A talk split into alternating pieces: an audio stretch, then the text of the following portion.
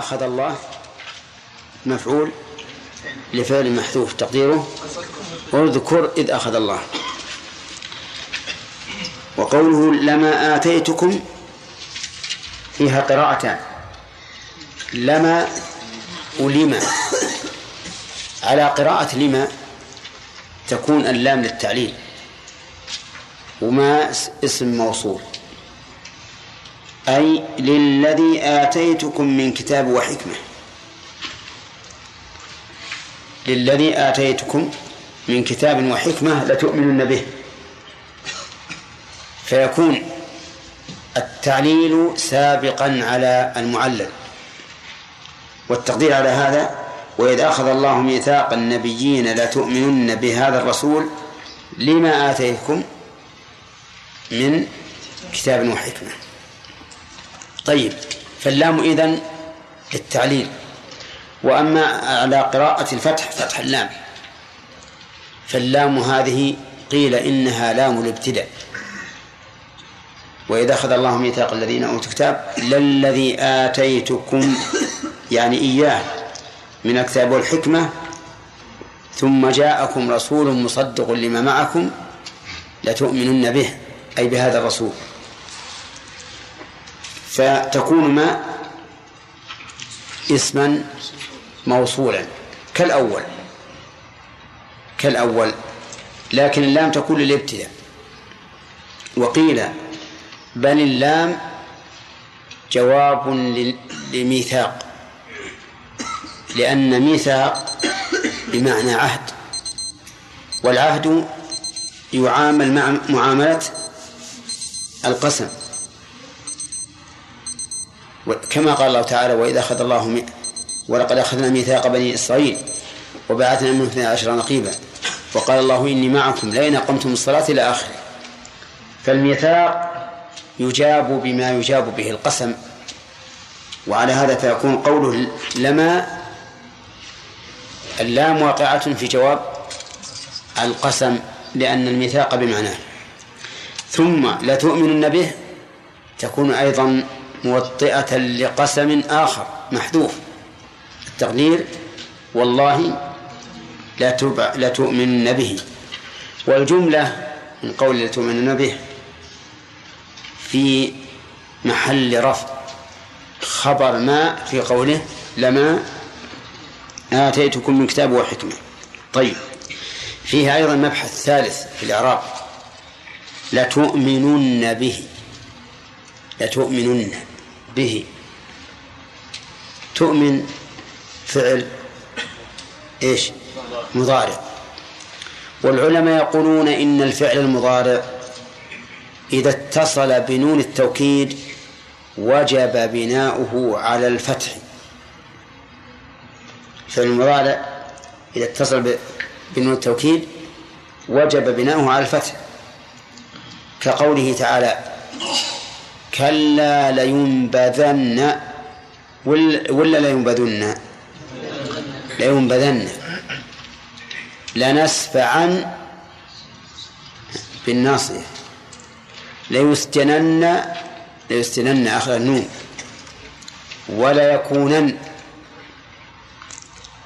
من الصغير. طيب.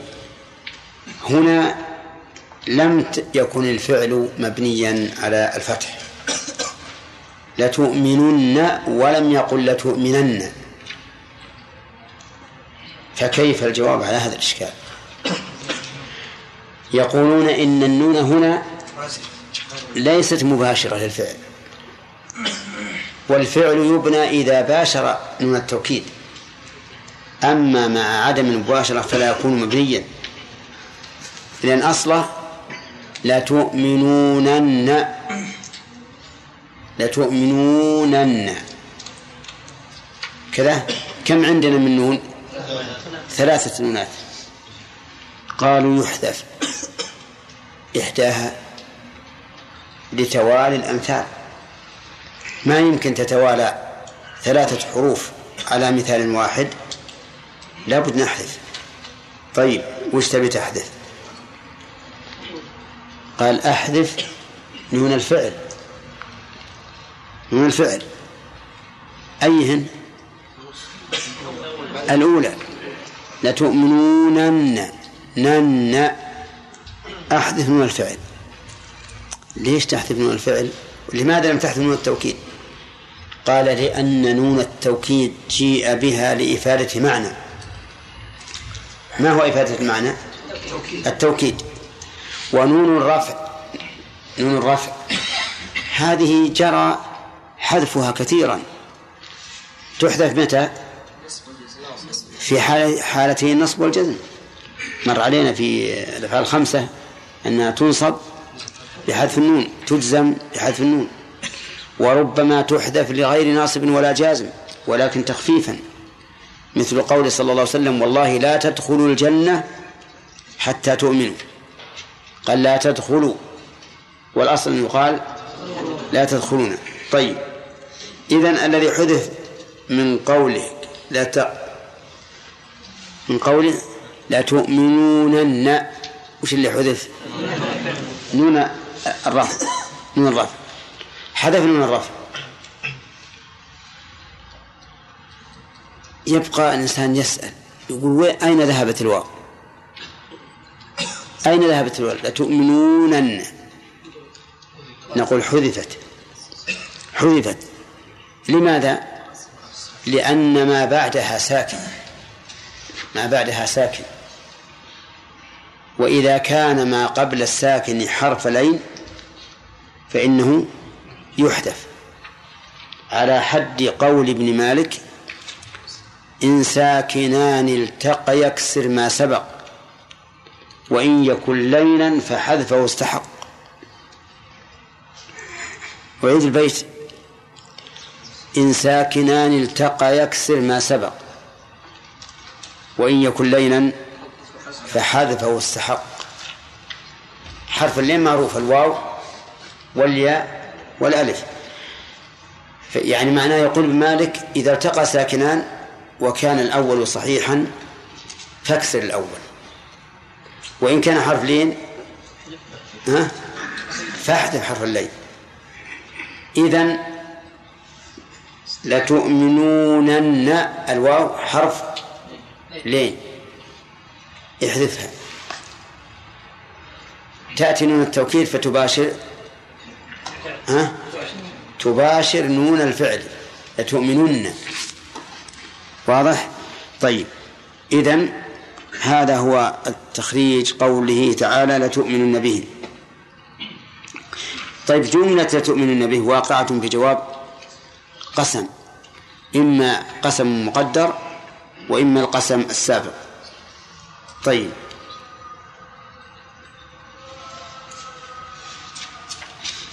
انتهى الكلام على الإعراب. نعم. واتخاذ الساكنين على حده جائز وعلى غير حده غير جائز إيه. مثلا في مثل ضالين إيش؟ ضالين نعم. مثلا إيه. نعم. هنا كذلك التقاء الساكنين على حده لأن بعضه مد بعض إيش؟ بعضه بعضه حركة موافق مع الواو نعم. مثلا لتؤمنون نعم. إيه لكن بس بينهم فرق. الضالين في كلمة واحدة. الضالين في كلمة واحدة. لو حذفت الألف من الضالين تغير المعنى واختلت الكلمة لكن هذه الواو منفصلة عن الفعل. منفصلة. واو ضمير. هذا الفرق. نعم. قلنا ان لما حذفت الواو إن ال- النون ال- الأخيرة باشر اسم من الفعل مع أننا قررنا في الأول أن نون الفعل حذفت. من الرفع. نون الرفع نعم. إيه. هي نون الفعل. وش الإشكال؟ اذا قررنا أنها حذفت نعم. كيف؟ لما حذفت صارت النون نون التوكيد المشددة أولها ساكن. والواو؟ ساكن. ساكنة. ما الذي نعمل؟ نحذف الواو. فصارت الآن النون من الفعل لم تباشر نون التوكيد. من حيث التقدير ولا اللفظ باشر لكن تقديرا لم تباشر. نعم. فمن تولى بعد ذلك فأولئك هم الفاسقون. أفغير دين الله يبغون وله أسلم من في السماوات والأرض طوعا وكرها وإليه يرجعون. قل آمنا بالله وما أنزل علينا وما أنزل على إبراهيم وإسماعيل وإسحاق وما أنزل على إبراهيم وإسماعيل وإسحاق ويعقوب والأسباط وما أوتي موسى وعيسى والنبيون والنبيون من ربهم لا نفرق بين أحد منهم ونحن له مسلمون. كفاية أعوذ بالله من الشيطان الرجيم. قال الله تبارك وتعالى وإذ أخذ الله ميثاق النبيين لما آتيتكم إلى آخره. هذا أظن مبتدأ درسنا. ها؟ لا ما كملنا الآية. إيه. المراد بالميثاق ما هو يا بندر؟ طيب. ما يكون بين ما يكون بين اثنين من العقد. من العهد مأخوذ منين؟ من من من وثق الشيء. من الوثاق وهو الحبل. الربا. يربط به الشيء. طيب. قوله تعالى لما آتيتكم من كتاب وحكمة ثم جاءكم رسول مصدق لما معكم لتؤمنن به. كيف أعرب هذه الآية؟ على فتح اللام. على فتح اللام فيها توجيهان تخريجان الأول اللام تكون لام الابتداء وما تكون اسم موصول مبتدأ. وخبرها جملة لا تؤمنون به و- والتوجيه الآخر أن اللام تكون بالكسر على القراءة الأخرى. لا لا خلنا فتح. نعم تكون اللام آه، جواب وقع محل جواب قسم. لأن الميثاق معنى القسم. نعم لأن مضمة مع القسم. فتكون اللام موطئة للقسم آه، وما اسم شرط جازم. ولا تؤمن به جواب القسم. لأن الحقيقة ما كملنا إعرابه في ماضى. على هذا تكون لام موطئة للقسم وما شرطية وآتيتكم فعل الشرط وجواب الشرط محذوف. جواب الشرط محذوف. ولا تؤمنن به؟ جواب القسم. على حد قول ابن مالك رحمه الله واحذف لدى اجتماع شرط وقسم جواب ما أخرت فهو ملتزم. واحذف لدى اجتماع شرط وقسم جواب ما أخرت فهو ملتزم.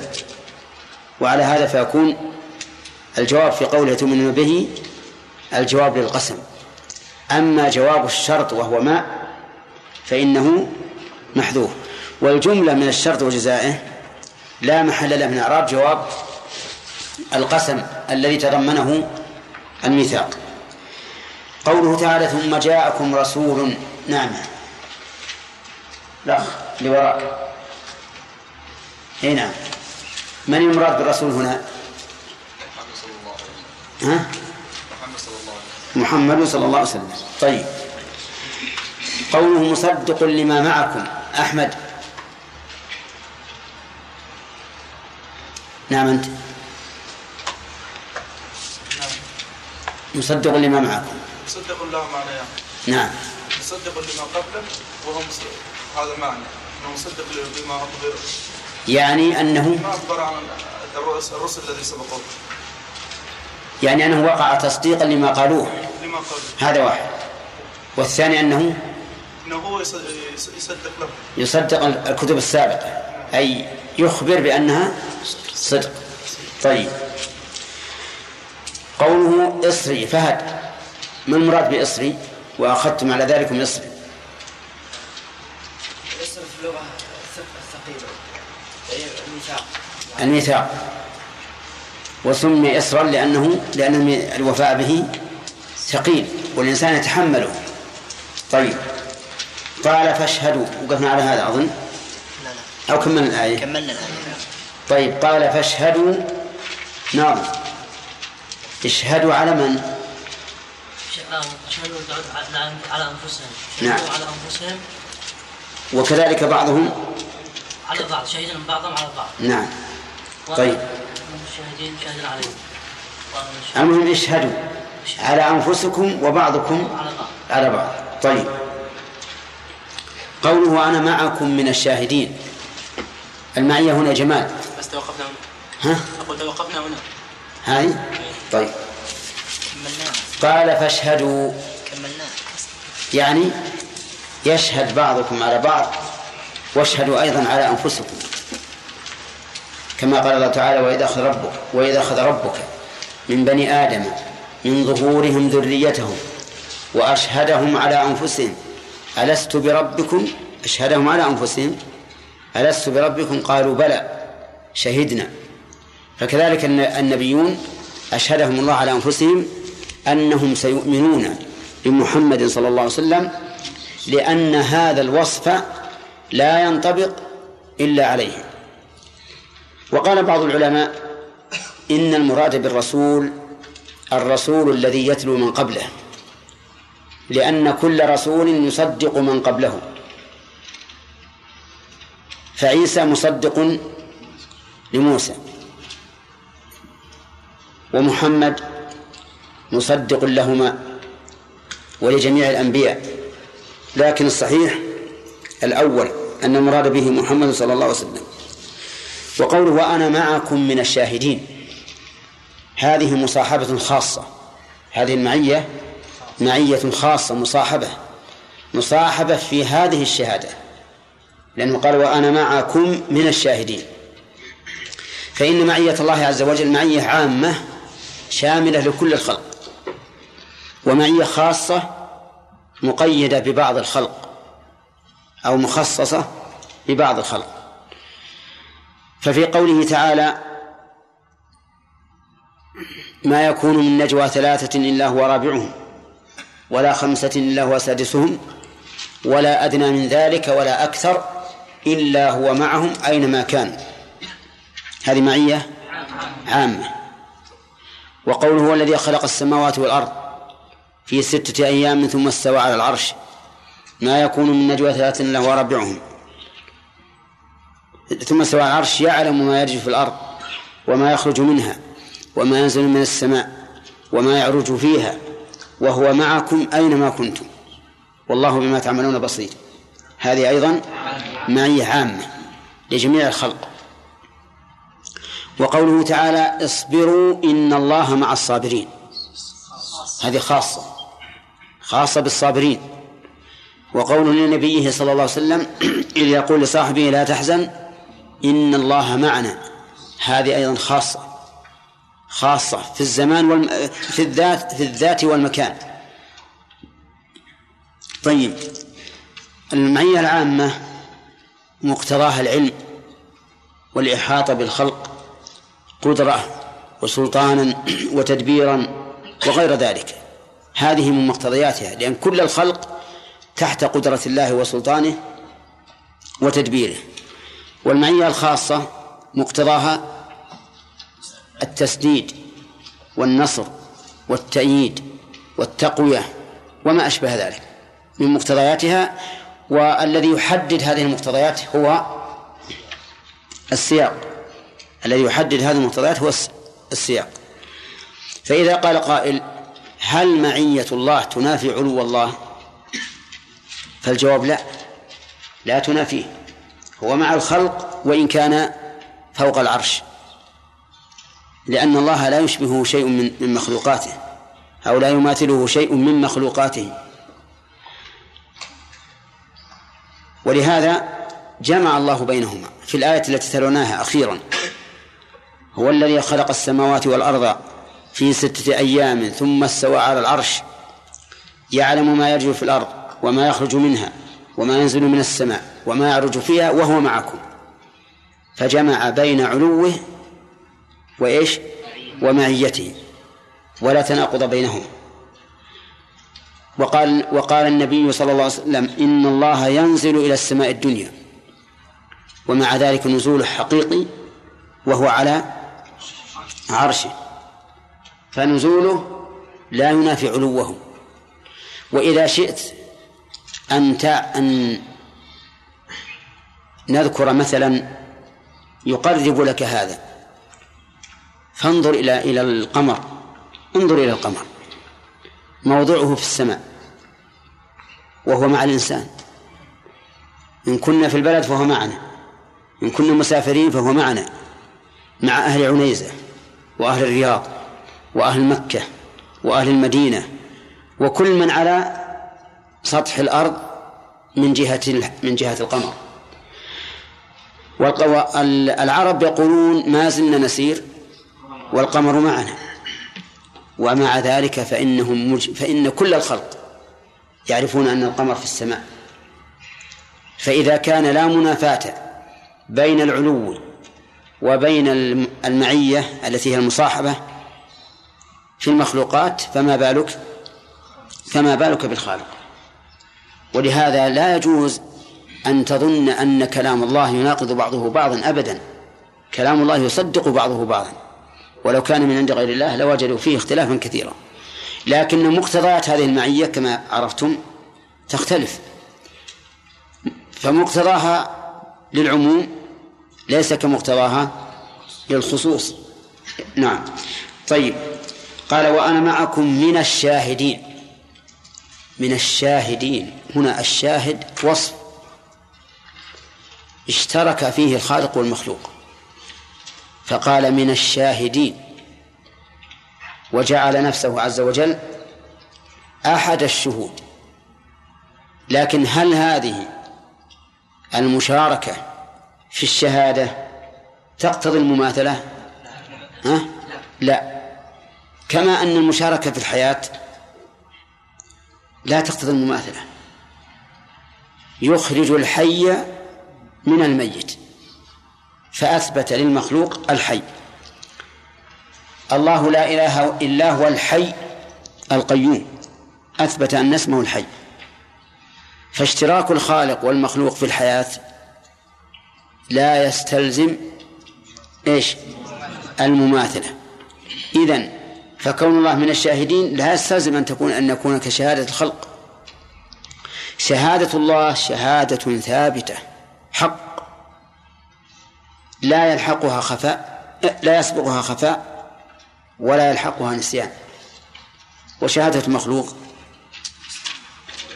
بالعكس مسبوقة بخفاء ملحوقة بنسيان. فبينهما فرق. طيب فمن فمن تولى بعد ذلك فأولئك هم الفاسقون. من تولى بعد ذلك؟ أي بعد ما ذكر من هذا البيان والإيضاح وأن محمدا صلى الله عليه وسلم قد أخذ على جميع الأنبياء أن يؤمنوا به وأن ينصروه وما أخذ على المتبوع مأخوذ على التابع. يعني ما أخذ على الأنبياء مأخوذ على أتباعهم أيضا. فإذا كان واجبا على الأنبياء أن يؤمنوا به ويتبع وينصروه كان واجبا على أتباعهم إيش؟ أن يؤمنوا به وينصروه. ولهذا لما رأى النبي صلى الله عليه وسلم مع عمر بن الخطاب شيئا من التوراة غضب. وقال وقال ألم آتي بها ألم آتي بها بيضاء نقية؟ لو كان أخي موسى حيا ما وسعه إلا اتباعي. كيف تأتي بالتوراة؟ القرآن فيه غنى عن كل كتاب. كل ما في الدنيا من الكتب فالنافع منها موجود في القرآن. لا حاجة إليها. لا حاجة إليها. لا سيما وأنها الآن ليست الكتب المنزلة من السماء بل فيها من التحريف. والتبديل والإخفاء ما الله به عليم. إذن نقول فمن تولى بعد ذلك بعد إيش؟ بعد هذا البيان والإيضاح الذي بينه الله عز وجل وأن الله أخذ على جميع الأنبياء ميثاق النبيين كل كلهم أنه إذا جاءهم رسول مصدق لما معهم لا يؤمن به ولا ينصرنه أفبعد ذلك يتولى المتولي؟ لا. من تولى بعد ذلك فأولئك هم الفاسقون. فأولئك هم الفاسقون. هم ضمير فصل. الفاسقون الذين خرجوا عن مستوى العدل وعن مستوى الرجولة وعن مستوى الإيمان. خرجوا عن الطاعة. تولوا أعرضوا. هؤلاء هم الفاسقون. والمراد بالفسق هنا فسق الكفر لأن الفسق يطلق على فسق المعاصي وعلى فسق الكفر. فسق المعاصي وفسق الكفر. فمن الأول قوله تعالى يا أيها الذين آمنوا إن جاءكم فاسق بنبأ فتبينوا هذا فسق المعصية. ومن الثاني قوله تعالى أفمن كان مؤمنا كمن كان فاسقا. لا يستوون. أما الذين آمنوا وعملوا الصالحات فلهم جنات المأوى نزلا بما كانوا يعملون. وأما الذين فسقوا فمأواهم النار. كلما أرادوا أن يخرجوا منها أعيدوا فيها. فهنا المراد بالفسق إيش؟ فسق الكفر. لأنه جاء في مقابل الإيمان. جاء قسيما للإيمان وقسيم الشيء غير الشيء. فأما قوله تعالى ومن لم يحكم بما أنزل الله فأولئك هم الفاسقون. ومن لم يحكم بما أنزل الله فأولئك هم الفاسقون. فهل هو فسق كفر أو فسق معصية؟ نعم. قيل معصية. قيل معصية. وقيل كفر. وقيل بالتفصيل. نعم. وقيل بالتفصيل. طيب. وفي هذه الآية من جهة الإعراب في هذه الآية فيها شرط وجواب. الشرط يا حجاج.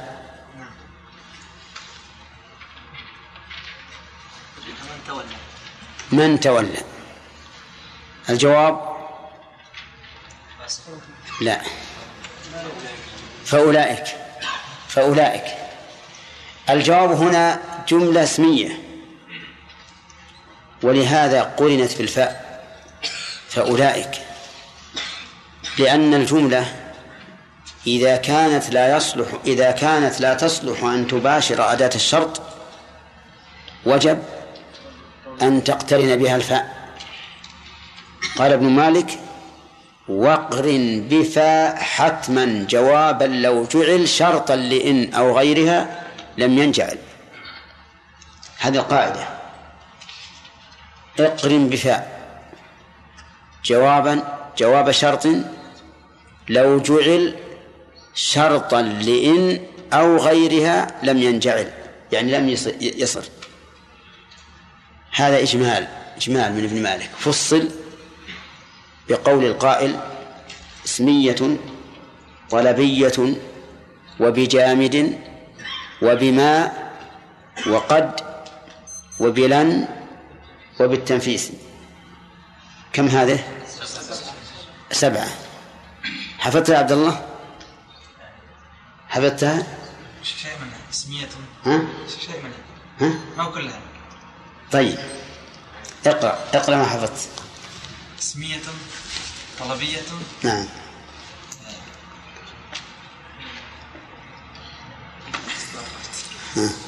ناظم؟ لا هذا نظم هذا. ها؟ مرتين طيب نعيد ثلاثة اسمية طلبية وبجامد وبما وقد وبلن وبالتنفيس. اسمية طلبية وبجامد وبما وقد وبلن وبالتنفيس. ها أنت حفظت قبل. لا اللي, اللي, ما حفظها من قبل سمعنا إياه ح- حفظتها قبل يا يحيى ها؟ كمل. اسمية طلبية وبجامد وب... وبما وبقد وبلن وبالتنفيس وبما وقد. وبما وقد وبالتنفيس وبلن وبالتنفيذ هذه سبعة أشياء. إذا وقعت جوابا للشرط وجب اقتران الشرط بالفاء. التي معنا الآن أي الجمل؟ أولئك هم الفاسقون. جملة اسمية. كذا؟ طيب. قال الله تعالى وما فمن فأولئك هم الفاسقون. ثم قال أفغير دين الله يبغون؟ أفغير دين الله؟ الدين يطلق على الجزاء وعلى الشر. يعني على العمل وجزائه. نعم. يعني يطلق أحيانا على الش... على العمل الذي هو شريعة الله وأحيانا على الجزاء. فمن إطلاقه على الجزاء قول الله تبارك وتعالى وما وما أدراك وما أدراك ما يوم الدين.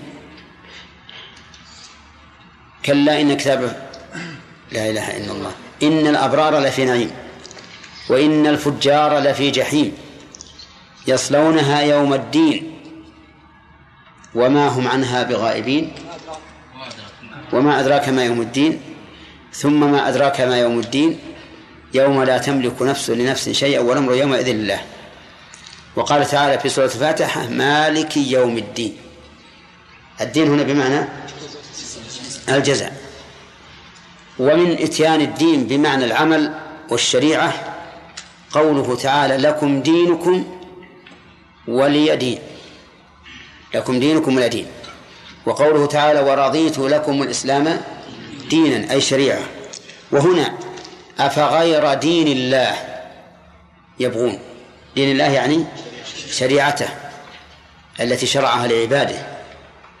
وأضافها الله لنفسه بيانا لأهميتها. وأنها الشريعة العادلة النافعة.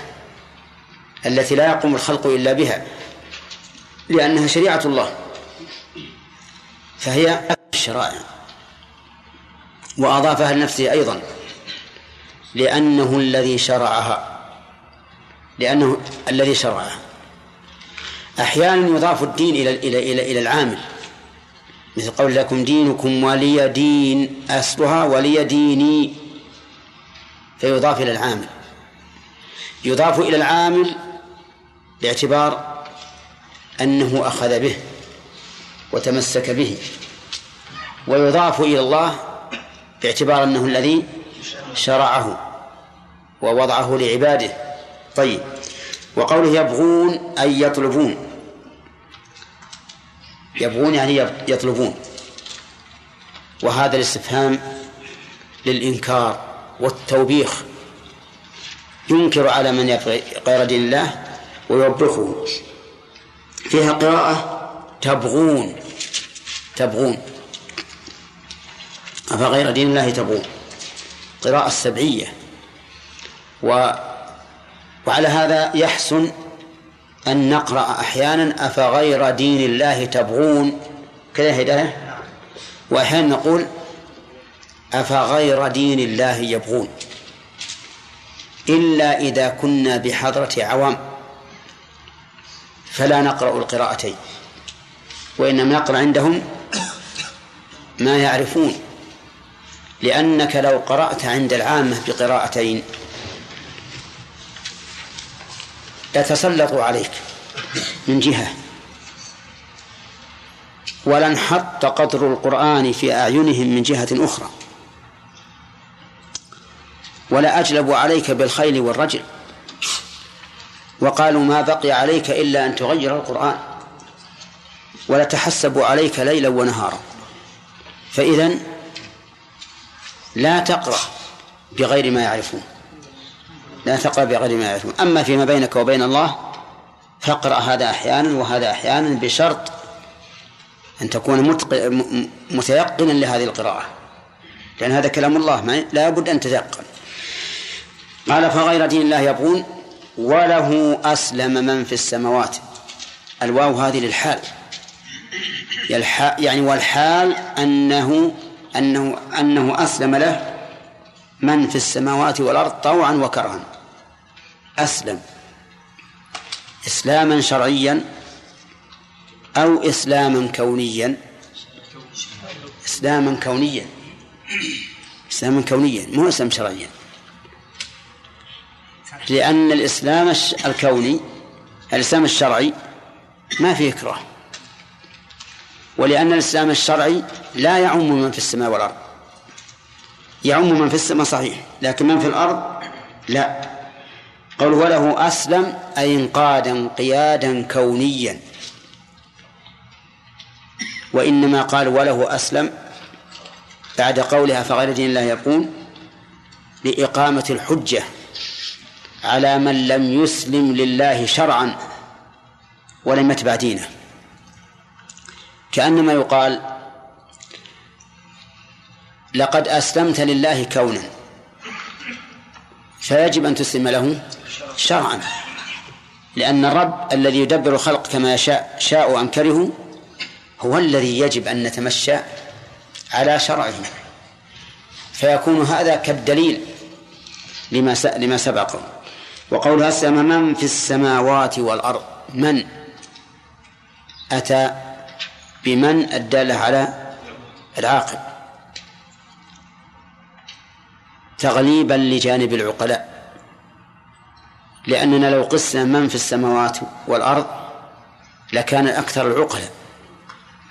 لأن السماوات ما من موضع أربعة أصابع إلا وفيه ملك قائم لله أو راكع أو ساجد. والسماء واسعة جدا. ما يعلم ساعتها إلا الله. والسماء بنيناها بأيد وإنا لموسعون. السماء الدنيا أوسع بكثير من الأرض. والسماء الثانية أوسع بكثير من الدنيا. وهلم جرة كل سماء أوسع مما تحتها. وقوله والأرض الأرض مفرد لكن المراد بها الجنس فيشمل الأراضين والأراضون سبع بظاهر القرآن وصريح السنة. ظاهر القرآن لقوله الله الذي خلق سبع سماوات ومن الأرض مثلهن فإن المثلية هنا ليست بالكيفية.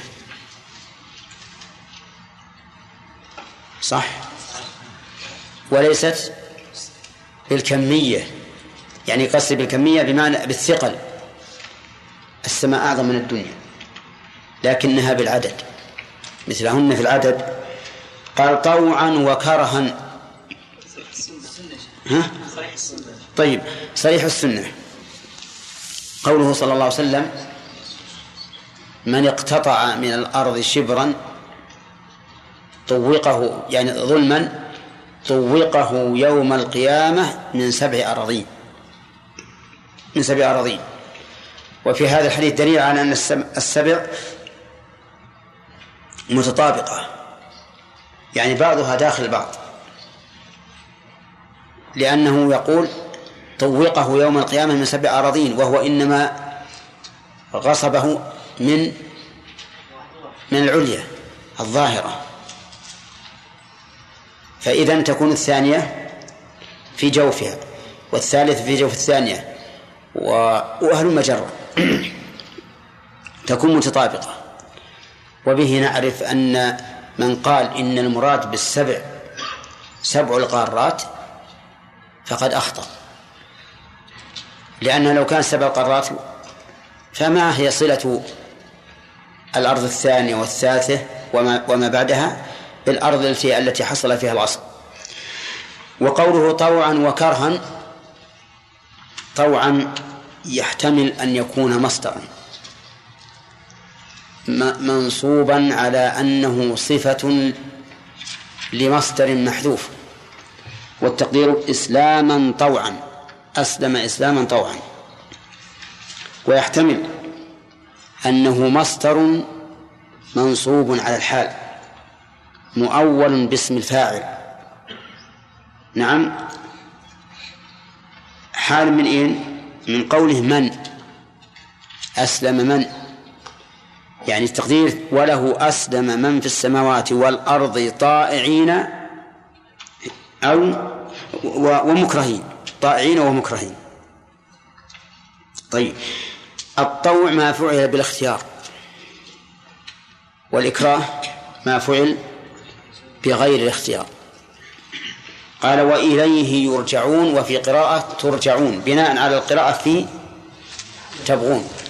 طيب يعني هؤلاء الذين هم مسلمون لله سوف يرجعون إلى الله سبحانه وتعالى وينبئهم بما عملوا ويحاسبهم على ما أرسل إليهم من الرسل.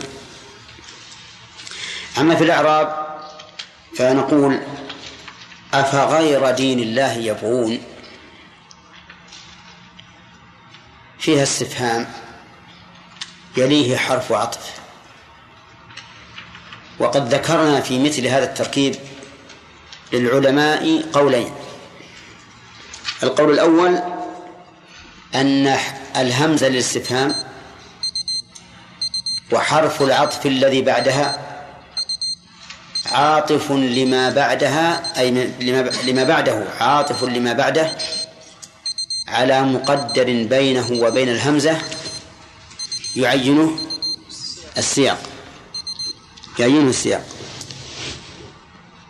والقول الثاني أن الهمزة للاستفهام والفا حرف عطف على ما سبق لكنها أخرت.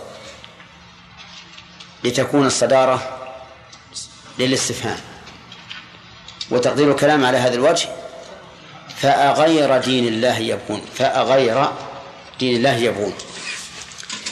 وذكرنا فيما سبق أن هذا الوجه أحسن من الوجه الأول. ليش؟ لأنه لا يحتاج إلى تقدير.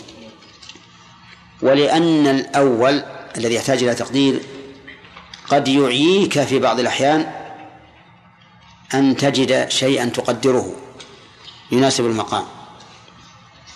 مثلا أفلم يسيروا في الأرض؟ إذا قلنا أنه معطوف على محذوف قال تقدر. أغفلوا فلم يسيروا في الأرض. هنا أفغير دين يبغون؟ أضلوا أضلوا فغير دين الله يبغون. لأن من بغى غير دين الله فهو إيش؟ فهو ضال. طيب. نرجع إلى الفوائد. أو أو انتهى الوقت. إيه طيب. نعم. ما تبين لي في قوله تعالى ومن تولى بعد غير دين الله يبغون وله أسلم. قلنا هنا الان إيش؟ قلنا هنا الإرادة كونية هنا. الإرادة كونية؟ الإسلام أقصد. نعم. لأنه كوني هنا. نعم. والواقع ليس كل من في الأرض أصلا. كونا ما كوني ما اسمه كونا من. من يستطيع ان أن يضاد الله في في في تقديره؟ الآن الملحدون ها؟ الملحدون الآن يعرضون الله سبحانه وتعالى بل ينكرونه. لا. سبحان الله. الملحدون الآن يقول لا إله لو يريد الله سبحانه وتعالى أن انه يمرض واحد منهم. نعم. قالوا والله إحنا ما نقبل المرض. لا يستطيع لا. قضى عليه بالموت قال لا ما نقبل الموت. ولا يستسلم ويوافق يستسلم طيب هذه لكن الآن هو المقصود هنا الاستسلام أو الإسلام نفسه المقصود. الإسلام يقال أسلمت. نعم. أسلمت بمعنى بمعنى استسلمت. نعم. قال الله تعالى ودخل الله ميثاق نعم. كيف أخذ؟ يعني أي. الكتاب أنزل ولا؟ أي نعم. هذا إشكال. إشكال و- وربما فاتنا في التفسير وربما يأتي في الت- في الفوائد. متى أخذ الله على على النبي الميثاق متى؟ قال بعض العلماء إنه أخذه عليهم كما أخذ على بني آدم عموما. وإذا أخذ ربك من بني آدم من ظهورهم بناء على صحة الحديث الذي فيه أن الله تعالى استخرج ذرية آدم من صلبه كأمثال الذر وأنه أخذ عليهم العهد. وقيل إن الله أخذ عليهم العهد الميثاق بما أعطاهم من الوحي. يعني أوحى إليهم هذا الشيء. وإيحاء الله بالشيء ميثاق. مثل ما قلنا في قوله تعالى وإذا أخذ الله ميثاق الذين أوتوا الكتاب لا تبيننه للناس ولا تكتمونه. العلماء هل أن الإنسان منا يشعر بأنه واثق الله على شيء؟ وش الجواب؟ لا لكن لما أعطانا الله مثلا لما أعطى الله الإنسان العلم فهذا هو الميثاق. نعم. الحين يا شيخ يعني اللفظين أفضل. نقول إن الله معنا بعلمه مستوٍ بذاته أم نقول إن الله معنا ومستوي على عرش الأحسن أن تطلق. أطلق ما أطلقه الله. ولا تقيد. لكن إذا خاطبك عامي يفهم أن المراد بكونه معنا أنه في الأرض قل بعلمه. حتى يدرك المعنى. لأن فرق بين بين المخاطب ولهذا ما جاءت بعلمه إلا بعد أن شاع مذهب الجهمية أن الله معنا بذاته في الأرض. صار العلماء يكثرون منها. وإن كان يذكر عن ابن مسعود رضي الله عنه أو عن ابن عباس آه، أنه قال ابن مسعود قال وهو عالم بهم. قال وهو معهم وهو عالم بهم. نعم.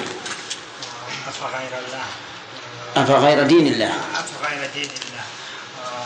الناس اللي الغير يبغون أي نعم. آه، ومقدم عليه. نعم. لأجل الحسد أي نعم. لأن من بغى غي- غير دين الله فلا ينفعه حتى لو تمسك بدين الله. شوف واحد مثلا قال أنا أبغي غير دين الله في شيء. وأبغي دين الله في شيء. هل ينفع دين الله في هذا الحال؟ ما ينفع. لأن من آم من كفر ببعض الإيمان ببعض الكتاب فقد كفر بكل الكتاب. نعم شاكر. جزاكم الله خير. بالنسبة لمن يقرأ قراءات أخرى هل له أن يقرأ آية مثلا بقراءة وآية أخرى بقراءة؟ مثل هنا يقول فغير دين الله يبغون؟ أو الآية الأخرى يقول إليه ترجعون؟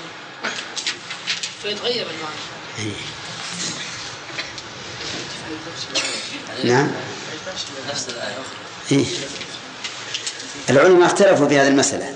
قال مثلا لو اختلفت القرة لو اختلف القرة في آية فهل لك أن تقرأ في أولها بقراءة واحد وفي آخرها بقراءة واحد؟ فمن العلماء من قال نعم يصح لأن الكل وارد. ولكن الراوي الذي رواها القارئ الذي رواها هو الذي يبقى على ما روى. أما أنا فأنا منقول إلي. وقد ثبت أن الرسول قرأها قرأ أول آية على هذا الوجه وآخر آية على هذا الوجه فلي أن أقرأها بالوجهين. وهذا اختيار شيخ الإسلام ابن تيمية هو الصحيح. وبعضهم قال لا إذا قرأت بقراءة واحد لا تقرأ بقراءة الثاني في آخر الآية. عرفت؟ فمثلا في الآية التي معنا أفغير دين الله تبغون وله أسلم من في السماوات طوعا وكرها وإليه يرجعون؟ يصح. يكون مراد وإليه يرجعون من في السماء والأرض السماوات والأرض. أفغير دين الله يبغون وله أسلم من في السماوات والأرض؟ طوعا وكرها وإليه ترجعون. أيها المنزل عليكم القرآن. أفغير دين الله تبغون وله أسلم من في السماوات والأرض؟ طوعا وكرها وإليه ترجعون. أيها المخاطبون في, في, في, في الفعلين جميعا. نعم. أحسن الله إليك. طيب لو فرض أنه في آية أخرى غير هذه الآية إحدى الكلمتين تخالف الأخرى. وإذا قرأت بهذه بهذه القراءة ثم قرأت بالقراءة الأخرى اختلف المعنى. نعم. أدع القراءة في هذا حتى على قول شيخ الإسلام. لا. لك أن تقرأ بهما جميعا. وإن اختلف المعنى. ولو اختلف المعنى لأن لأن اختلاف المعنى يكون فيه زيادة معنى. تكون الآية دالة على المعنيين بالنص.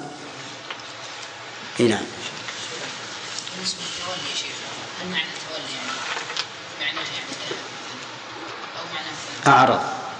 أعرض. أبدا. تولي بالجسم وبالقلب. فبالقلب الإعراض وبالجسم المشي والترك؟ نعم. هذا نقول مو صحيح. اللغة العربية تقول تولى فلان سواء كان بقلبه أو بجسمه. نعم هل يتصور من الرسل انهم ان انهم بعدما اخذ الله جل عليهم الميثاق ان يعرض احد منهم حتى عليه الوعيد سبحان الله. ما فهمت من من تفسير هذا؟ وش فهمت أي فمن تولى من الناس بعد هذا البيان فهو فاسق. ما هو فمن تولى بعد الرسل اللي أخذ عليهم الميثاق. لما ذكر البيان هذا وأنه أخذ على الرسل الميثاق أن بمحمد صلى الله عليه وسلم قال فمن تولى بعد ما بينا من أن الرسل ولهذا أشرت إلى إلى ذلك بقولي ما أخذ على المتبوع فهو مأخوذ على التابع.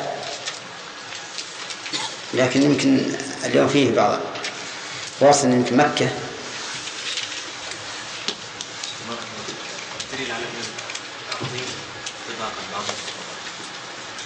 ذكرنا. نعم. شو يا جماعة؟ من اقتطع شبرا من أرض ظلما طوقه يوم القيامة من سبع أراضين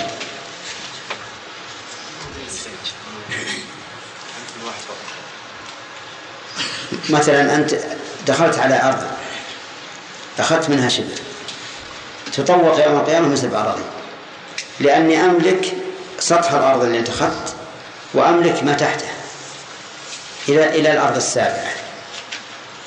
ولهذا كنت ظالما لي إلى الأرض السابعة. يعني الأرض اللي تحت ما في عليها سكان ولا؟ الله أعلم ما ندري عليها سكان ولا ما عليها شيء ما هو عندي وإليه يرجعون بس. بل ولي ما أخذنا فوائد إذا لم نأخذ الفوائد اللي قبلها يا جمال فإننا لم نأخذ فوائدها بالأولى لا الشرح الشرح ولي الشرح؟ يرجعون لكن طيب الشرح بس أظن آخر جملة منها. وإليه يرجعون. وإليه يرجعون. في هذه الآية الكريمة يقول الله عز وجل أفغير دين الله يبغون وله أسلم من في السماوات والأرض طوعا يعني أسلم له من في السماوات والأرض طوعا وكرها إسلاما كونيا قدريا من الاستسلام وليس إسلاما شرعيا لأن من في الأرض لم يسلموا كلهم إسلاما شرعيا لله عز وجل. وقوله وإليه ترجعون يعني كما أنه له السلطان الكامل عليهم في الدنيا. فإنهم أيضا يرجعون إليه في الآخرة. وتقديم المتعلق المتعلق يدل على العموم يدل على التخصيص لأن المتعلق هو مفعول الفعل وتقديم المفعول يفيد الحصر يعني يرجعون إلى الله لا إلى غيره وسوف ينبئهم بما عملوا إذا رجعوا إليهم. يقول الله عز وجل وإذا أخذ الله ميثاق النبيين إلى آخره من فوائد هذه الآية الكريمة أن الأنبياء عليهم الصلاة والسلام مربوبون متعبدون لله عز وجل كما أن غيرهم كذلك. وجهه من الآية أن الله أخذ عليهم الميثاق بالتكليف وهذا يدل على أنهم كغيرهم مربوبون متعبدون لله كما يتعبد غيرهم. ومن فوائد الآية الكريمة إثبات أن الميثاق يكون بما أعطاهم الله من الكتاب والحكمة بناء على القراءة الثانية لما آتيتكم من كتاب. أما القراءة الثانية التي في المصحف لما فإنه يستفاد منها فائدة وهي أن الله سبحانه وتعالى أعطاهم العهد أو أخذ منهم العهد والميثاق بهذه بما آتاهم من الكتاب والحكمة. يعني لكونهم أوتوا الكتاب والحكمة صاروا أهلا لهذا الميثاق العظيم. وأنه مهما أوتوا فلا بد أن يؤمنوا لهذا الرسول. ومن فوائد الآية الكريمة ما من الله به على النبيين من الكتاب والحكمة. ويتفرع على هذه هذه الفائدة أن من ورث هذا الكتاب والحكمة فإنه قد أخذ بحظ وافر مما أنعم الله به على النبيين. ولهذا جاء في الحديث عن النبي صلى الله عليه وسلم أن العلماء ورثة الأنبياء فيجب عليهم إذا ورثهم الله علم الأنبياء أن يقوموا مقام الأنبياء في الدعوة إلى الله ونشر العلم والجهاد في سبيله. ومن توانى منهم عن ذلك فقد قصر. ومن فوائد الآية الكريمة فضيلة رسول الله صلى الله عليه وسلم بكون الله أخذ على جميع الأنبياء الميثاق والعهد أن يؤمنوا به. فإن قال قائل كلمة رسول نكرة. فما الذي جعلك تجعلها للنبي صلى الله عليه وسلم؟ والأصل في النكرة أنها اسم جنس شائع لا يختص به واحد دون آخر. فالجواب على عن, على ذلك أو عن ذلك أن يقال إن هذا الوصف الذي وصف الله به هذا الرسول ينطبق تماما على على من؟ على النبي صلى الله عليه وسلم. ويدل لذلك أن رسول الله صلى الله عليه وسلم قال لعمر لو كان أخي موسى حيا ما وسعه إلا اتباعي. ويدل لذلك أيضا أن النبي صلى الله عليه وسلم لما جمع الله له الأنبياء ليلة المعراج صار هو إمامهم فصار هو المتبوع لا التابع عليه الصلاة والسلام. ومن فوائد هذه الآية الكريمة أن رسالة النبي صلى الله عليه وسلم جامعة للتصديق بجميع الرسالات. لقوله إيش؟ مصدق لما معكم. ولهذا كانت هذه الأمة ولله الحمد وأسأل الله أن يجعلني وإياكم منهم كانت هي المصدقة تماما لجميع الرسل. وهذه ميزة ليست لغيرها. من فوائد هذه الآية الكريمة أنه يجب على الأنبياء أن يؤمنوا بهذا الرسول الذي يأتيهم مصدقا لما معهم وأن ينصروه. لقوله لتؤمنن به ولتنصرنه وإذا كان هذا واجبا على الأنبياء كان واجبا على أممهم. لأن ما وجب على الإمام وجب على تابعه. فيجب على جميع الأمم أن يؤمنوا بمحمد صلى الله عليه وسلم وأن ينصروه. ومن لم يكن كذلك فقد كفر برسوله. لأن رسوله قد أعطى الله هذا الميثاق ومعلوم أنهم إذا كانوا صادقين في اتباع رسولهم أن يتبعوا ما التزم به رسوله ومن فوائد هذه الآية الكريمة أنه يجوز بل يشرع في الأمور الهامة أن يقرر من أخذ عليه العهد. حتى يقر ويعترف زيادة على العقد الأول الذي جاء بينه وبين معاهده. بقوله إيش؟ أقررتم وأخذتم على ذلكم إصري. وهذا يرد في الأمور العظيمة الهامة. وله ونظيره من بعض الوجوه أن النبي صلى الله عليه وسلم لما قرر من اعترف بالزنا سأله أفعلت كذا أفعلت كذا حتى قال له آه أنكتها ولم ولم يكني. قال نعم. قال كما يغيب الرشا في البئر والمرود والمرود في المكحلة. قال نعم. كل هذا من أجل التثبيت. من فوائد هذه الآية الكريمة أيضا إثبات كلام الله عز وجل وأنه متعلق بمشيئته. لقوله قال أأقررتم؟ قالوا أقررنا. قال فاشهدوا.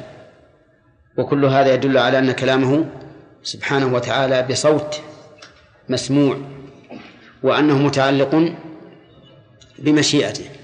فيكون فيه الرد على الأشاعرة الذين قالوا إن كلام الله هو المعنى القائم بنفسه وأنه لا أتم.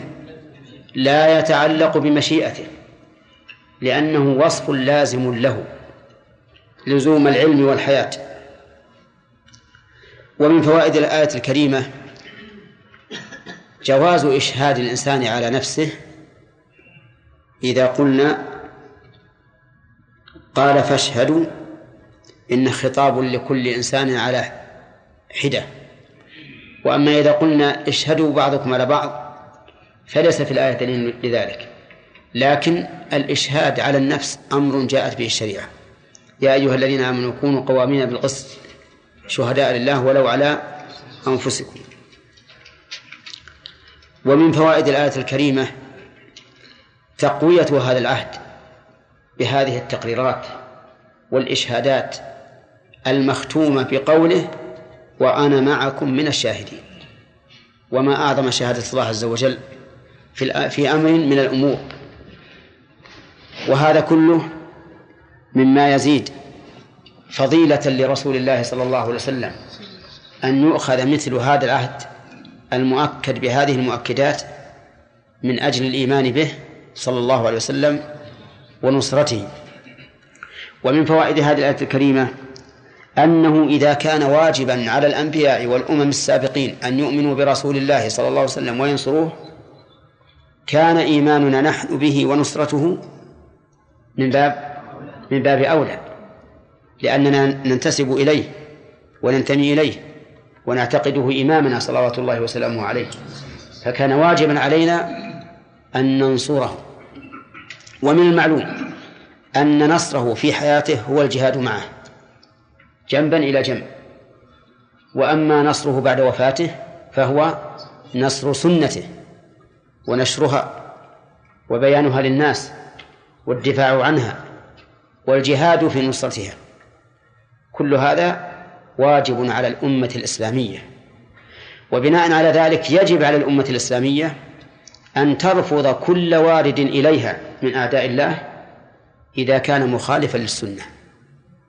كل شيء يرد علينا من الكفار من عقائد وأخلاق وأعمال ومعاملات وغيرها. إذا كان مخالفا لسنة الرسول صلى الله عليه وسلم فإن أقل ما يقال في النصرة أن إيش؟ أن يرفض هذا الشيء وأن يضرب به وجه مورده وأن لا يكون له مكان بين الأمة الإسلامية. لأنه كيف يكون نصرة ونحن نستورد؟ من أعداء هذه النصرة ما يخالف هذه النصرة. من ادعى ذلك فهو كاذب. فإن فعله يكذب قوله. ولو كان قوله صادقا لكان أول ما يقوم به من نصرة شريعة الله أن يرفض إيش؟ كل ما خالف شريعة الله. نعم. و ثم قال عز وجل فمن تولى بعد ذلك فأولئك هم الفاسقون. من تولى بعد ذلك فأولئك هم الفاسقون يعني من أمم هؤلاء الأنبياء. ولا ترد هذه الشرطية على الأنبياء لأن الأنبياء عليهم الصلاة والسلام شهدوا على أنفسهم وشهد الله معهم. لكن إنما ترد هذه الشرطية على من؟ على أتباعهم. يعني فمن تولى من أتباع الأنبياء بعد ما ذكر من هذا الميثاق العظيم فهو فاسق. ومن فوائد هذه الآية الكريمة أن الفسق يطلق على الكفر. ومن شواهد ذلك ما ذكرناه في الدرس. أفمن كان مؤمنا كمن كان فاسقا لا يستوون. أما الذين آمنوا وعملوا الصالحات فلهم جنات المأوى نزلا بما كانوا يعملون وأما الذين فسقوا فمأواهم النار. ومن فوائد ذلك من فوائد الآية أن من تولى قبل قيام الحجة عليه لم يحكم عليه بفسق لقول فمن تولى بعد ذلك. ويتفرع على هذا فائدة مهمة وهي أن الشرائع لا تلزم قبل العلم. الشرائع لا تلزم قبل العلم. وهذه مسألة عظيمة مسألة عظيمة جدا. اختلف فيها العلماء اختلافا طويلا عريضا. لكن من تأمل نصوص الكتاب والسنة وتأمل أيضا ما لله من صفات عظيمة تبين له أن الشرائع لا تلزم قبل العلم. لأن الله كتب على نفسه أن رحمته سبقت غضبه. ولو قلنا بوجوب الشرائع قبل العلم لكان الغضب سابقا على الرحمة. لأننا نلزم الإنسان بشيء لم يعلمه. لكن ربما يكون من الإنسان تفريط في السؤال. ما يسأل؟ يعني لا يسأل فحينئذ قد نلزمه قبل أن يعلم من أجل إيش؟ من أجل تفريطه. أما لو ك... لو لم يكن مفرطا كإنسان نشأ في بادية ولا يعلم شيئا عن الدين وليس عنده عالم. ولا طرى على باله فكان يصلي على جنابه بدون اغتسال. وبقي على هذا عشر سنوات أو أكثر فجاء يسأل ماذا نقول له يا حسن؟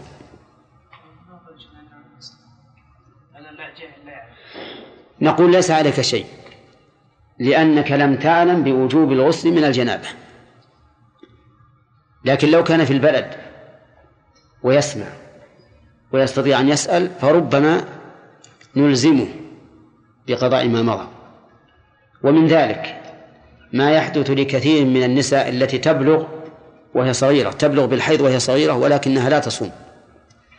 بناء على أنها صغيرة وأن الصوم لا يلزم إلا من تم لها خمس عشرة سنة.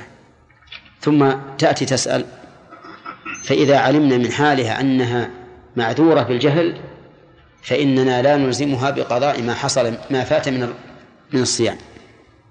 لأنها معذورة.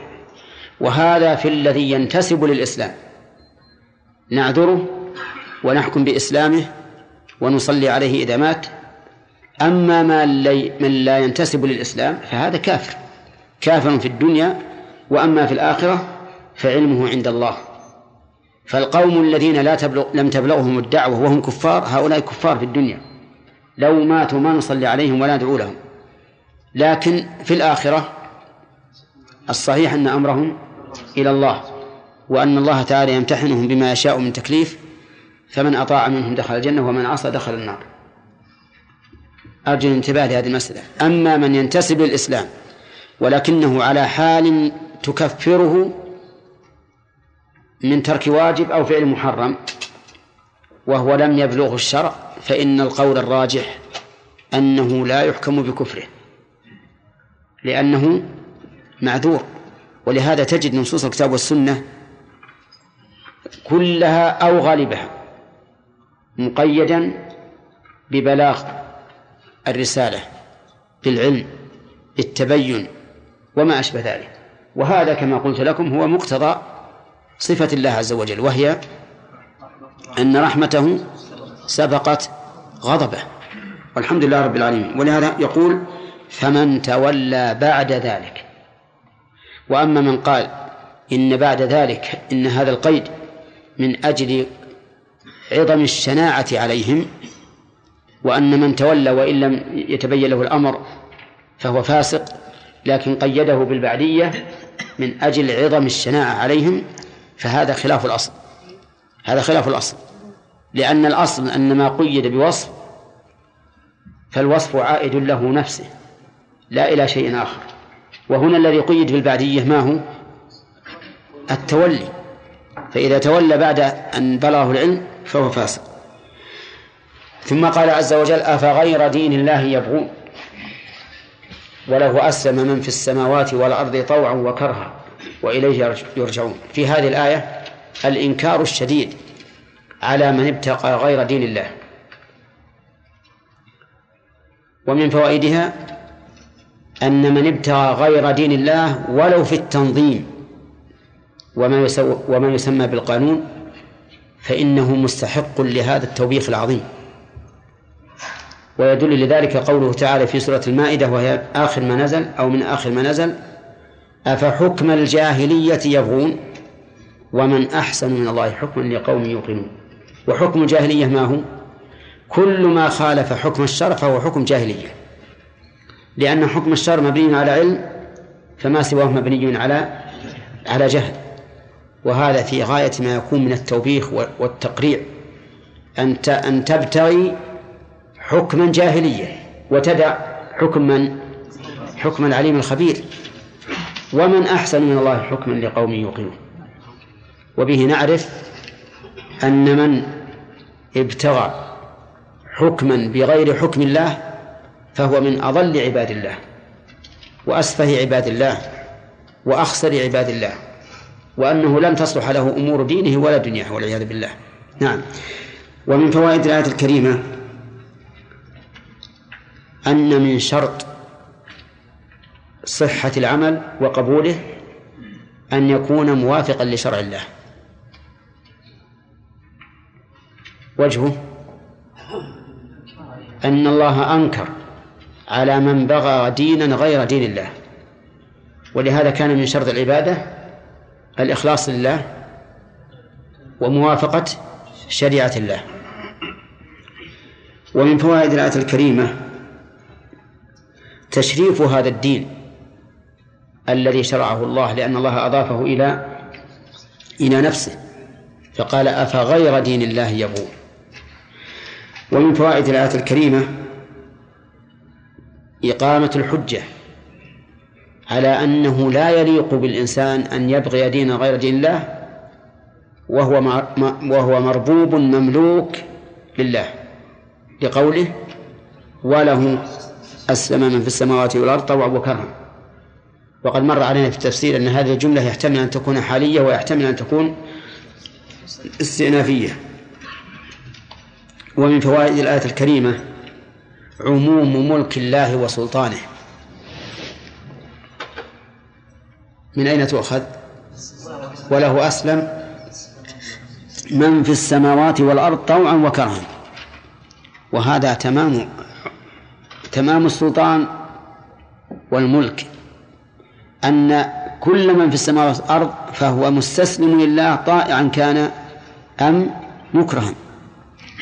ولذلك لا أحد يمكنه أن يشذ أو يقاوم قدر الله. لو جاء أعتى أعتى خلق الله يريد أن يقاوم ما أراد الله تعالى قدرا هل يمكنه ذلك؟ أبدا. فرعون جبار عنيد أغرق بما كان يفتخر به. قال يا قوم أليس لي ملك مصر؟ وهذه الأنهار تجري من تحتي أفلا تعقلون؟ أفلا تبصرون؟ أفلا تبصرون؟ بأي شيء نهلك؟ بالماء. بالماء الذي كان يفتخر به. وعاد استكبروا في الأرض وقالوا من أشد منا قوة؟ فأهلكوا بماذا؟ بالريح هوى هوى سخره الله عليهم حتى دمرهم أصبحوا لا يرى إلا مساكنهم. هذا تمام القوة والقدرة. وضعفاء الإيمان اليوم إذا قيل لهم ارجعوا إلى دينكم تنصروا على أعدائكم. قالوا إيه تنصر أعدائنا؟ وش نزين إحنا؟ ما نعرف نزين الإبرة. كيف نقاوم أهل الصواريخ وأهل المدافع وأهل القنابل الموجهة؟ لم يعلموا أن الأمر بيد الله عز وجل. وأنه سبحانه وتعالى إذا شاء طبق عليهم الأرض تطبيقا خسف بهم إلى السابعة. بكلمة واحدة. لو صدقنا الله لصدقنا الله لكن لكننا في الحقيقة ضيعنا أمر الله. فلما نسينا الله نسينا الله عز وجل تركنا. سمعت أنا قبل سنوات أن الله أرسل على واشنطن عاصمة أمريكا. أو هي العاصمة ولا شبه العاصمة؟ العاصمة. أرسل عليها صواعق صواعق من هذا الغماء اللي مثل القطر. صواعق يعني دمرتها تقريبا. حتى قطعت أسلاك الكهرب وسكتت المكاين وصارت هذه العاصمة اللي من أكبر عواصم الدنيا صارت دامسة. وحصل سطو عظيم على الفنادق وعلى محل التجارية التجارة وصار شيء نهب وغيره. وهذا الصواعق من يعني من أدنى شيء. الزلزال يضرب الأرض وفي لحظة واحدة يدمر مئات المدن والقرى. مئات المدن والقرى.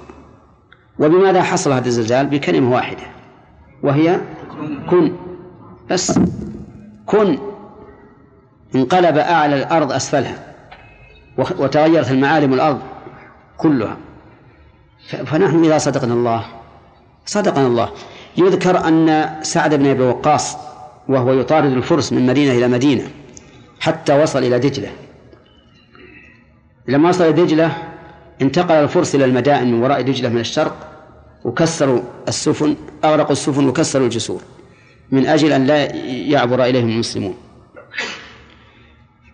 وقف سعد. ليس معه إلا إبل وخيول وراجلة. وقف. ما يقدر يروح. فنادى سلمان الفارسي رضي الله عنه وقال له يا سلمان أعطنا من يعني من تصميمك للحرب لأنه هو الذي أشار على الرسول صلى الله عليه وسلم بالخندق. قال والله يا سعد ما فيه مدد الآن ما في حيلة إلا ما كان من تقوى الله. ولكن دعني أنظر في القوم الجند. إن كانوا على تقوى من الله فإن الذي فلق البحر لموسى سييسر لنا العبور على هذا البحر لأن هذه الأمة خير من أمة موسى. الله أكبر. شوف الإيمان. فذهب سلمان ونظر في الجند وله وش ينظر؟ في الليل يبيتون لربهم سجدا وقياما. وفي النهار في شأن الحرب وما يصلح الحرب. فرجع إليه بعد ثلاث ثلاث وقال والله هم على خير ما يرام ولكن استعن بالله واعبر. فنادى سعد بن أبي وقاص في القوم وقال إنا عابرون إن شاء الله ولكن سأقف وسأقول بسم الله وأكبر الله ثلاثا. فإذا كبرت الثالثة فاعبروا. ففعل. فقال بسم الله. ثم كبر ثلاثا. ولما كبر الثالثة عبر الناس. يمشون على الماء. والنهر يز يقذف بزبده. يمشي يسير. تعرفون النهر؟ هو مثل البحر. واقف. يمشي. يقول أهل التاريخ حتى إن الفرس إذا تعب أنشأ الله له ربوة من الأرض فوقف الفرس عليها يستريح حتى عبروا دجلة. فلما رآهم الفرس ضجوا وصاحوا وقالوا إنكم إنما تقاتلون جنا لا طاقة لكم بهؤلاء.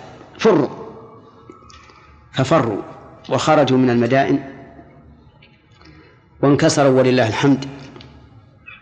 براية التوحيد والجهاد الذي أنشئ على التقوى لتكون كلمة الله العليا. ليس لطلب الشهادة وليس من أجل آه، القومية أو العصبية أو الوطن. ما على بالهم إلا أن تكون كلمة الله العليا. يكون هذا القرآن هو القانون لأهل الأرض. أهل المدائن هربوا منها العاصمة. عاصمة الفرس. فجاء المسلمون وفتحوها. وكسبوا من الأموال ما لا يعلمه إلا رب العباد. مثل ما قال النبي عليه الصلاة والسلام لتنفقن لتنفقن كنوزهما كنوز كسرى وقيصر في سبيل الله. وأخذوا التاج تاج كسرى. وهو الذي يجلس تحته فوق رأسه مرصع باللآلي والذهب. وما شاء الله من من حلي الدنيا. فأرادوا أن يقلوه لم يجدوا إلا جملين كبيرين يحملانه من المدائن إلى المدينة. في ذلك الوقت ما في سفن كبيرة ولا سجارات كبيرة فحملوه على جملين من المدائن إلى إلى المدينة. فوضعوه بين يدي أمير المؤمنين عمر بن الخطاب رضي الله عنه. وما أدراك ما عمر. الذي عدل فعدلوا وآمن فآمن. قال والله وهو ينظر إليه. إن قوما أدوا هذا لأمنا. قال أمير المؤمنين علي بن أبي طالب نعم يا أمير المؤمنين. إنهم أمنا لأنك كنت أمينا. ولو أنك رتعت لرتعوا. الله أكبر. فهذا تاج كسرى من المدائن يوزع بين المسلمين في المدينة. هذا من الذي نصرهم حتى عبروا البحر النهر بخيلهم ورجلهم إلا الله عز وجل. لماذا لا نؤمن بهذا؟ والله إننا ضعفاء الإيمان. لماذا لا نؤمن؟ أليس الرب عز وجل وهو أصدق القائلين وأقدر الفاعلين يقول ولا ينصرن الله من ينصره؟ إن الله لقوي عزيز. الذين إن مكناهم في الأرض أقاموا الصلاة وآتوا الزكاة وأمروا بالمعروف ونهوا عن المنكر ولله عاقبة الأمور. تأكيدات لفظية ومعنوية في الآيتين من الله عز وجل. فلو كان عندنا إيمان حقيقي لكنا أول من يأخذ بهذه الآية. نشوف بأي شيء ننصر الله. لأن الله شرط. ولا ينصر الله من ينصره. بأي شيء ننصر الله. حتى نشوف. الآن تأتي النكبات للمسلمين. متنوعة نكبات متنوعة. ما رأينا أحدا إلا القليل النادر يقول يا جماعة ارجعوا إلى دينكم ألبن منكم. من الذي تكلم وقال إن الخطأ خطأنا الظلم ظلمنا. فلنرجع إلى ربنا حتى لا يسلط علينا هؤلاء الظالمون. لأن الله يقول وكذلك نولي بعض الظالمين بعضا بما كانوا يكسبون. تأتي النكبات وكأنها حوادث مادية لا علاقة لها بالدين مع أننا مسلمون. والمسلم هذه الحوادث ما تكون إلا إلا بفعله. الكافر ربما يعطى في الدنيا ما يريد لأنه عجلت له طيباته في الحياة الدنيا. ينعم في الدنيا أكثر مما ينعم المسلم لأجل إذا انتقل إلى الآخرة صار العذاب عليه أشد. لأنه ينتقل من إيه؟ من نعيم إلى عذاب. من نعيم إلى عذاب. فيفقد هذا اللي كان يدركه في الدنيا يكون عليه أشد.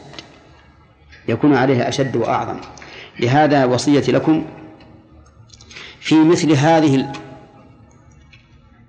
الظروف. أن توعوا الناس.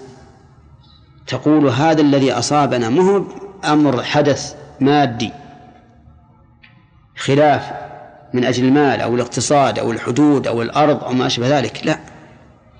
هو قدر إلهي سلط بعضنا على بعض لأننا أضعنا أمر الله. وما أصابكم من مصيبة فبما كسبت أيديكم ويعفو عن كثير. أما أن نبقى هكذا ولا كأن شيء جرى.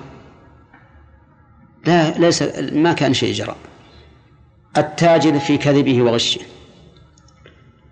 الموظف في خيانته وعدم القيام بالعمل. كل إنسان في, في الذي هو فيه ما كأن شيئا جرى. فهذا لا شك أنه يدل على موت القلوب وقسوتها وأنها لا تتعظ وأن الأمور والحوادث يوشك أن تتطور وتتغير إلى أسوأ لأن الله عز وجل يحدث مثل هذه الأمور لعلنا نحدث توبة. كما قال الرسول عليه الصلاة والسلام في الكسوف إن الله تعالى يحدثه لعل العباد يحدثون لله توبة. ولكن أين القلوب الواعية؟ نسأل الله أن يواعينا وإياكم. الحاصل أن الله ينكر على هؤلاء الذين يبغون دين غير دين الله ويقول كيف تبغون غير دين الله؟ والأمر كله لله وله أسلم من في السماوات والأرض. طوعا وكرها من فوائد الآية الكريمة إثبات السماوات وأنها عدد. وقد جاءت الأدلة بأنها سبع وكذلك الأرض هي سبع لكن لم يفصح الله تعالى بها في القرآن بل قال ومن الأرض مثلهن وجاء الإفصاح بها في السنة. ومن فوائد الآية الكريمة أن الرجوع إلى الله وإليه يرجعون يرجعون في الدنيا ويرجعون في الآخرة.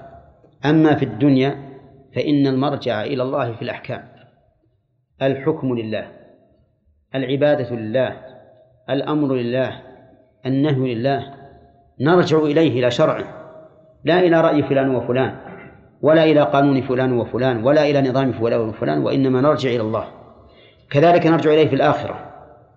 الرجوع إلى الله في الآخرة وسوف يحاسب كل إنسان على على ما عمل فمن يعمل مثقال ذرة ذرة خيرا يره ومن يعمل مثقال ذرة شرا يره. ومن فوائد الآية الكريمة إثبات البقاء لله. لأنه إذا كان مرجع كل الخلق لازم من ذلك أن أنه سيبقى عز وجل ليكون مرجعا لجميع لجميع الخلق. ثم قال الله تعالى في ابتداء درس اليوم قل آمنا بالله قل الخطاب للرسول صلى الله عليه وسلم. ويجوز أن يكون المراد به كل من يتأتى خطابه كما قلنا في درس الصباح.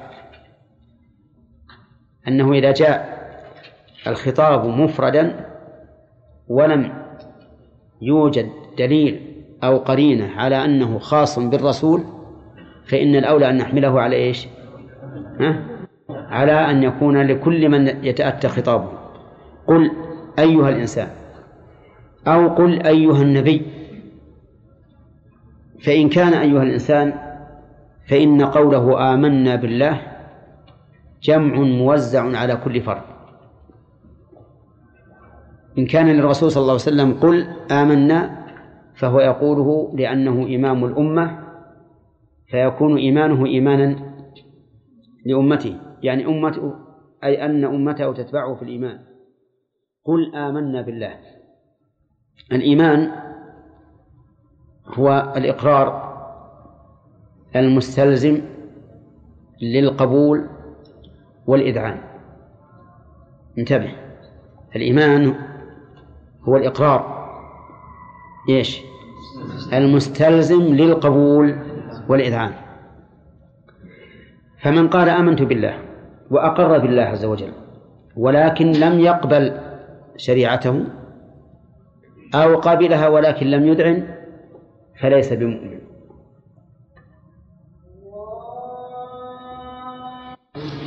الشيطان الرجيم.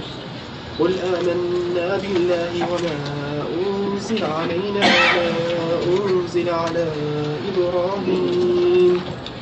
على إبراهيم وإسماعيل وإسحاق ويعقوب والأسباط وما والأسباط وما أوتي موسى وعيسى والنبيون من ربهم. من ربهم لا نفرق بين أحد منهم ونحن له مسلمون. ومن يبتغ غير الإسلام دينا فلن يقبل منه فلن يقبل منه وهو في الآخرة من الخاسرين. أعوذ بالله من الشيطان الرجيم. قال الله تعالى قل آمنا بالله وما أنزل علينا وما أنزل على إبراهيم وإسماعيل وإسحاق ويعقوب والأسباط. الخطاب في هذه الآية للنبي صلى الله عليه وسلم. والخطاب للنبي صلى الله عليه وسلم خطاب له وللأمة ما لم يقم دليل على أنه خاص به.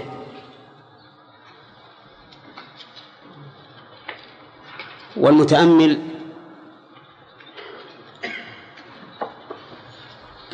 نقف يا عبد الرحمن. الموجه للرسول صلى الله عليه وسلم يتبين له أنه على ثلاثة أقسام. قسم دل الدليل على أنه خاص به وقسم دل الدليل على أنه له وللأمة وقسم ليس فيه دليل. أما ما دل الدليل على أنه خاص به فهو له يختص به. مثل قوله تعالى إنا نحن نزلنا عليك القرآن تنزيلا ألم نشرح لك صدرك؟ وأما ما دل الدليل على العموم فهو على العموم. مثل قوله تعالى يا أيها النبي إذا طلقتم النساء فطلقوهن لعدتهن وأحصوا العدة إلى آخره. وما سوى ذلك؟ فإنه يكون عاما له وللأمة لكن وجه الخطاب إليه باعتباره الإمام باعتباره الإمام لأمته عليه الصلاة والسلام. والخطاب الموجه للإمام موجه له ولمن كان مؤتما به. ولهذا لو وجه الضابط أمرا إلى القائد لكان هذا الأمر للقائد ولمن كان تبعا له. فهنا يقول الله عز وجل قل آمنا بالله فالخطاب للرسول صلى الله عليه وسلم والمراد هو وأمته. وبيان ذلك أي بيان أن هذا هو المراد قوله تعالى في سورة البقرة قولوا آمنا بالله وما أنزل إلينا. فقال قولوا آمنا. قل آمنا بالله والإيمان بالله يتضمن أمورا الأمر الأول الإيمان بوجوده. والثاني الإيمان بربوبيته. والثالث الإيمان بألوهيته. والرابع الإيمان بأسمائه وصفاته. لكن الثلاثة الأخيرة لا بد من توحيده بذلك. أي توحيد بالربوبية بالألوهية بالأسماء والصفات. أما الوجود فهو شامل له ولغيره وإن كان وجود الخالق يختلف عن وجود المخلوق. فمن لم يؤمن بوجود الله فهو ليس بمؤمن. ومن آمن بوجوده لم ولم يؤمن بربوبيته على وجه عام شامل فهو لم يؤمن بالله. ومن آمن بالله وربوبيته ولكن لم يؤمن بألوهيته فليس بمؤمن. ومن آمن بذلك كله ولم يؤمن بأسمائه وصفاته فليس بمؤمن. لكن الأخير فيه تفصيل قد يخرج من الإيمان بالكلية وقد لا يخرج. قل آمنا بالله وما أنزل علينا وهو القرآن الكريم. والسنة النبوية. كلاهما منزل. قال الله تعالى وأنزل الله عليك الكتاب والحكمة وعلمك ما لم تكن تعلم. فيشمل بسام. إيش يشمل؟